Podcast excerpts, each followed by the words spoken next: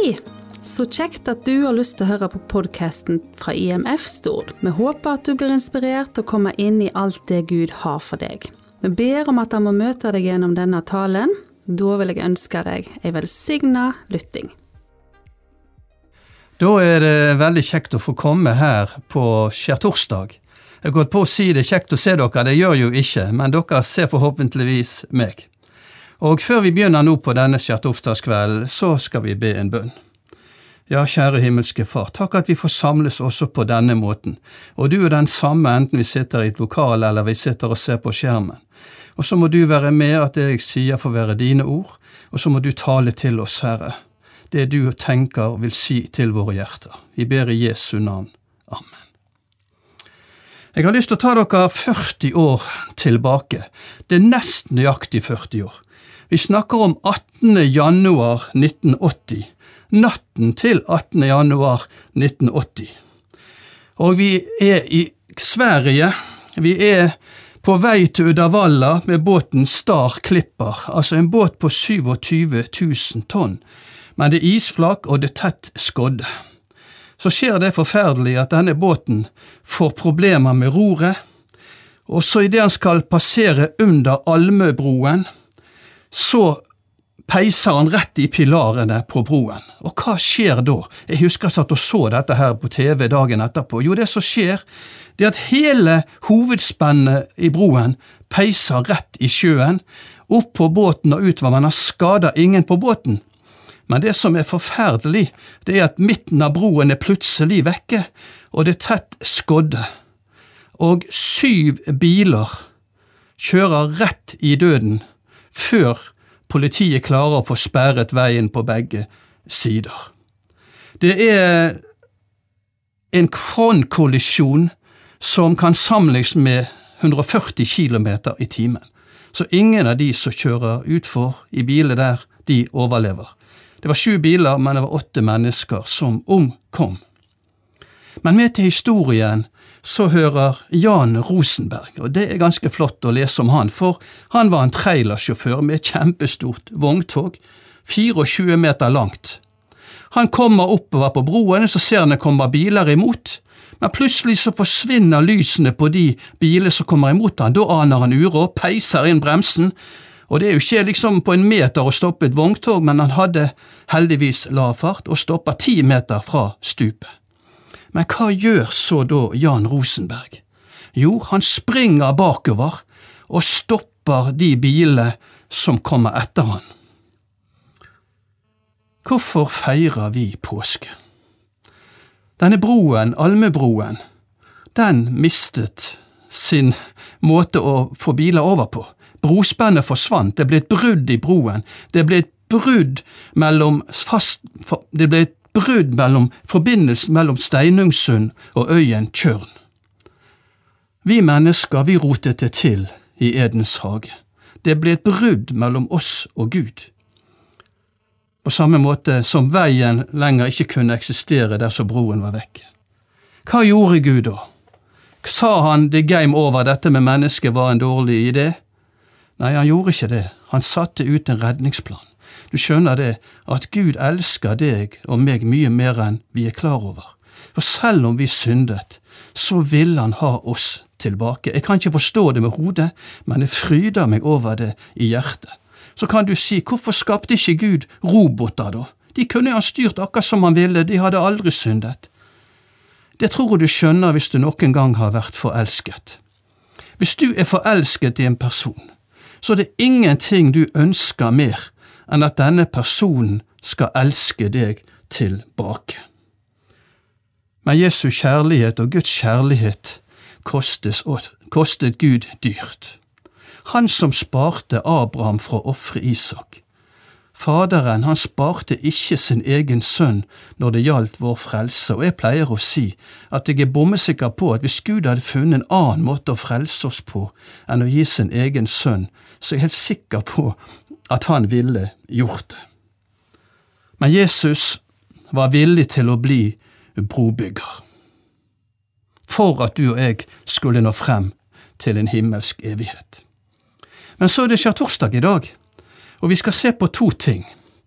Det ene er nattverdsmåltidet, og så skal vi ta en tur inn i Getsemane. Det ene punktet er kalt sviket. Nattverdsmåltidet var et måltid med Jesus og hans venner. De satt rundt et bord.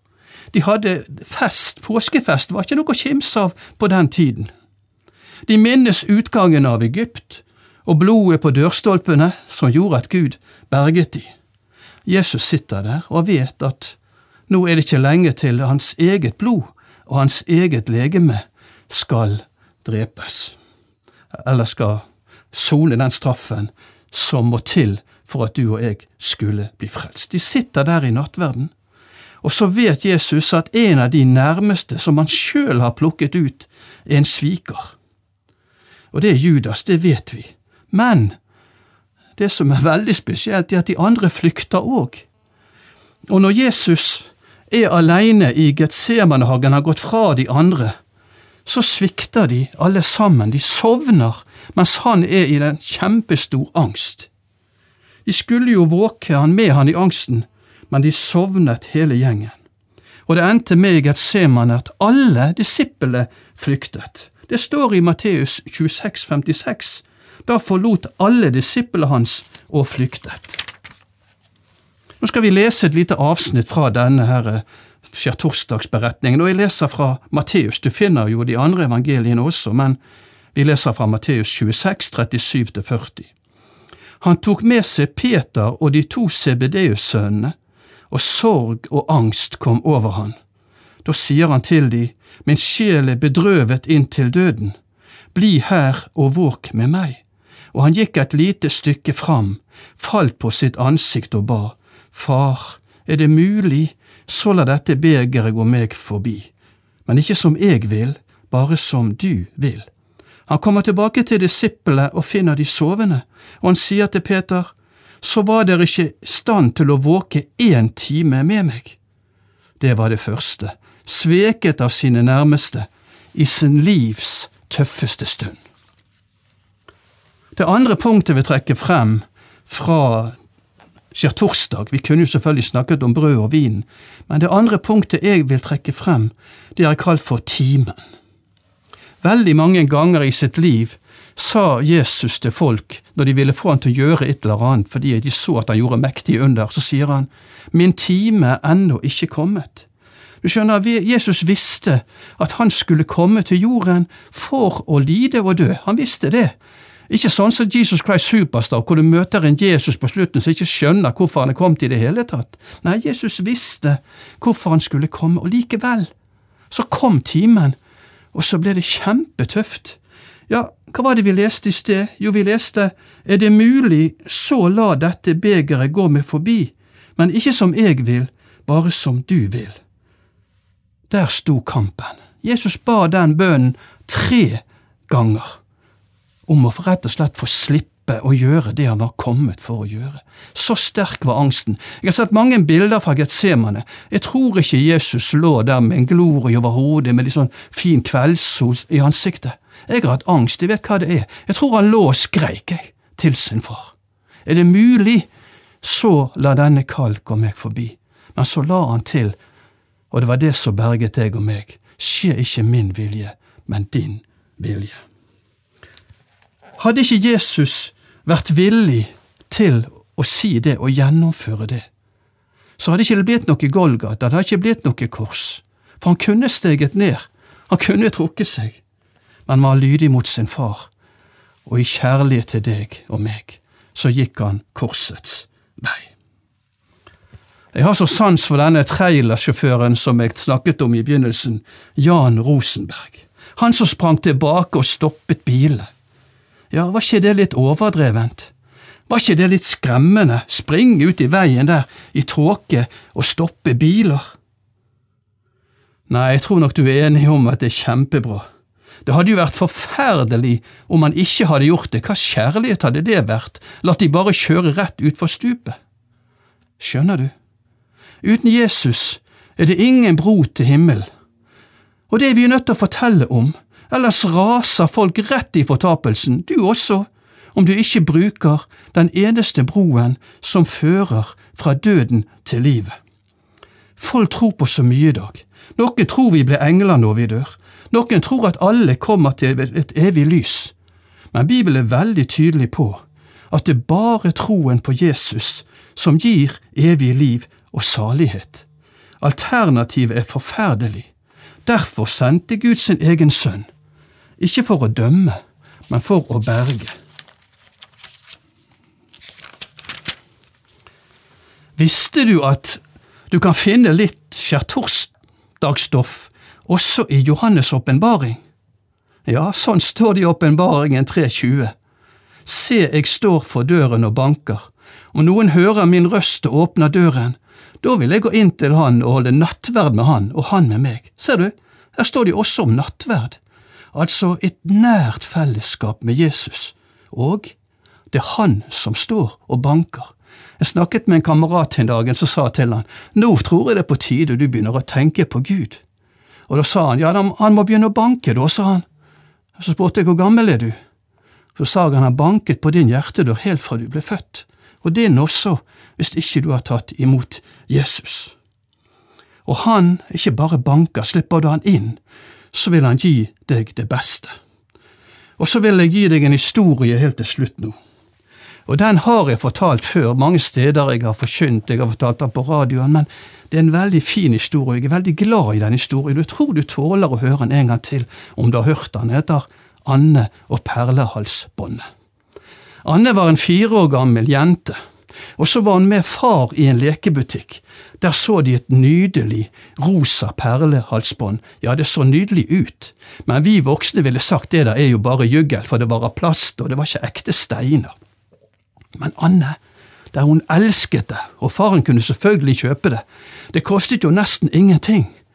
Og Anne ble så glad at hun hadde det på seg hele tiden, ja, det vil si, bortsett fra når hun badet, da tok hun det av seg. Så hadde det gått en uke cirka etter denne tiden hvor Anne hadde fått dette perlehalsbåndet, og skulle far legge henne, og efter aftenbønnen så sier far til Anne, Anne, er du glad i pappa?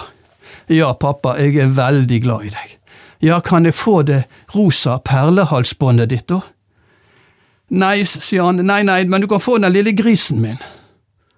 Og Så gikk det en uke til, og så var det igjen far sin tur til å legge Anne, og så skjer det samme en gang til. Etter far og Anne har bedt aftenbønnen, så sier far til Anne, Anne, er du glad i pappa? Ja, pappa, jeg er veldig glad i deg. Ja, kan jeg få det rosa perlehalsbåndet ditt, da? Ja, pappa, du skal du, Nei, pappa, du kan ikke få det, men du skal få den nye dukken min. Det tror Anne, for dette var det kjæreste hun hadde. Men så gikk det ikke en liten uke engang, og så står, sitter far i stuen, og så kommer Anne inn, rekker frem hånden, åpner han, og hva ligger der? Jo, det er rosa perlehalsbåndet, og så sier Anne, du skal få det, pappa, jeg er så veldig glad i deg. Og da kommer det fine med historien, for da tar far opp av lommen, noe som har lagt der hele tiden, i påvente av at Anne skulle gi fra seg, ja, dette som far visste var juggel og ingenting verdt. Nå tar han opp et ekte perlehalsbånd, med ekte perler og skikkelig innfatning. Og så får Anne det, i bytte mot dette juggelet. Skjønner du hva Gud har gjort for deg? Han vil ha dine synder, han vil ha alt det du ikke får til, alt du har mislykkes med. Det vil han ha i bytte, og sier han deg frelse og evig salighet i stedet. Tenk om du denne påsken, og kanskje allerede i kveld, kunne si ja til dette fantastiske byttet og slippe Jesus inn i ditt liv. Det er min utfordring til deg. Ring meg gjerne etter programmet om du har lyst. 481 51 491. 481 51 491. Så ønsker jeg deg en velsignet påske videre.